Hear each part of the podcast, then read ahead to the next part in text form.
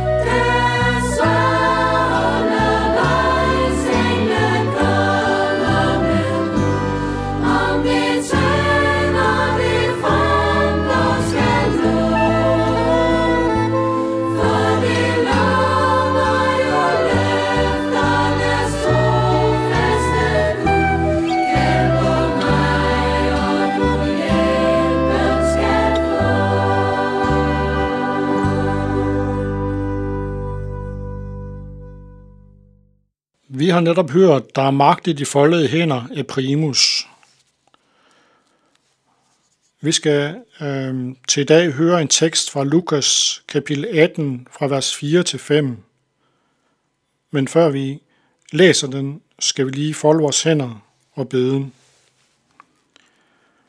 Okay, Jesus, jeg takker dig, fordi du er lydhører, at du hører bøn.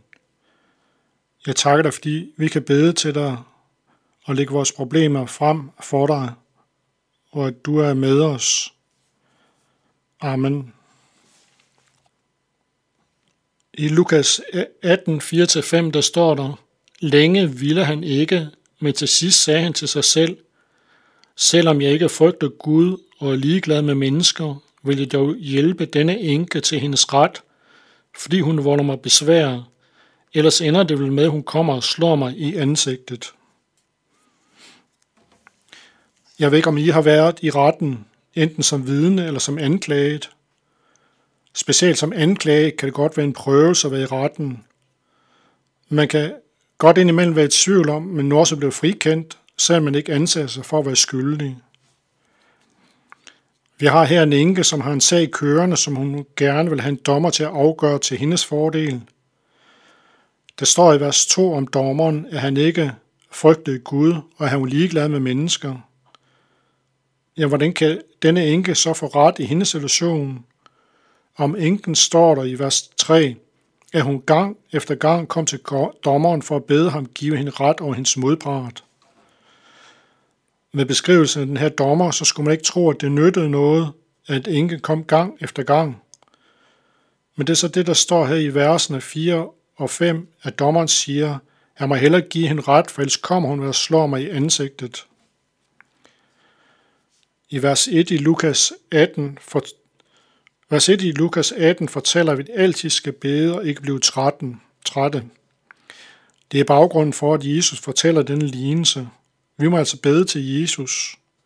Vi kan bede om hvad som helst. Det er ikke sikkert, at vi får det, som vi beder om, men vi skal ikke gøre os bekymringer. Jesus har var parat til at lide døden for vores skyld. Jesus han døde på korset, og langfredag blev vores sønder hængt op på korset. Jesus han sonede vores sønder, vi kan derfor gå fri. Vi kan altså gøre som den fattige enke. I overført betydning kan vi bede og være udholdende i bønden. Vi kan også bede om, at andre må se Jesus som den han er, at de må se, at der ikke er frelse nogen anden, anden end Jesus. Amen. Vi skal nu høre Send bud til ham af Ellen Jøllund Hansen.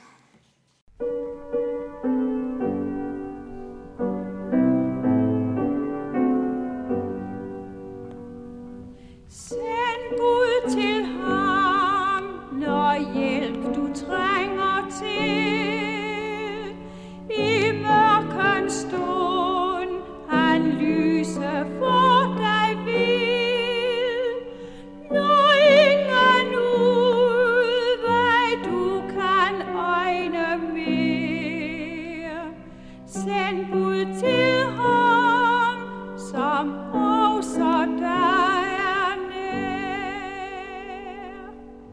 Send bud til ham, hvis navn er Jesus Krist, som frelser kan og læges hjem.